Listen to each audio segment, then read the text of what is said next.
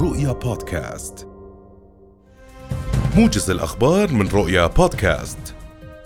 صرح مصدر عسكري مسؤول في القيادة العامة للقوات المسلحة الأردنية أن المنطقة العسكرية الشرقية أجرت عملية نوعية على إحدى واجهاتها ضمن منطقة المسؤولية فجر هذا اليوم. أسفرت عن مقتل أربعة مهربين وإصابة عدد آخر وفرار الآخرين إلى داخل العمق السوري. وأوضح المصدر أن المراقبات الأمامية لقوات حرس الحدود وبالتنسيق مع الأجهزة الأمنية وإدارة مكافحة المخدرات رصدت أشخاصا قادمين من الأراضي السورية إلى الأراضي الأردنية. حاولوا اجتياز الحدود بطريقة غير مشروعة بإسناد من مجموعات مسلحة حيث قامت آليات رد الفعل السريع بالتعامل مع هذه المجموعات من خلال تطبيق قواعد الاشتباك.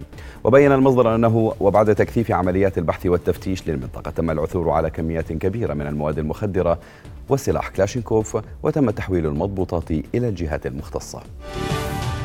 قال مدير عام المؤسسة العامة للغذاء والدواء الدكتور نزار مهدات إنه لا نية لرفع أسعار المواد الغذائية بما فيها أغذية الأطفال التي تدخل في صناعتها مادة القمح. وبين مهدات في تصريحات لرؤيا اليوم أن ارتفاع الأسعار أو ارتفاع أسعار القمح عالميا لن يؤثر على أسعار المواد الغذائية.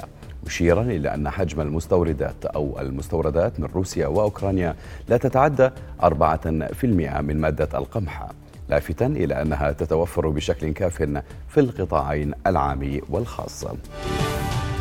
يعقد المركز الوطني لمكافحة الأوبئة اجتماعا اليوم لبحث تطورات جدر القرود مع المسؤولين في وزارة الصحة بما فيهم إدارة الأوبئة ومديرية المختبرات ومناقشة تطورات الوضع الوبائي المحلي والدولي.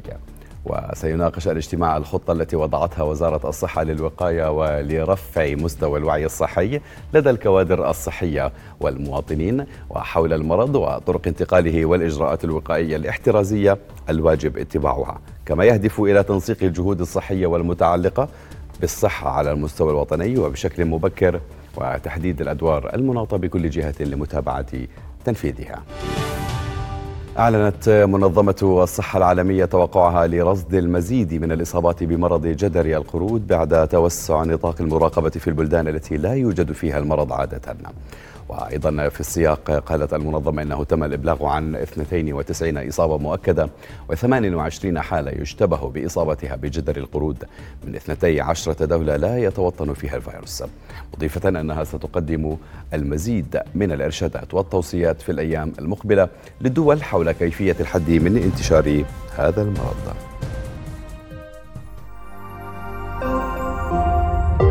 رؤيا بودكاست.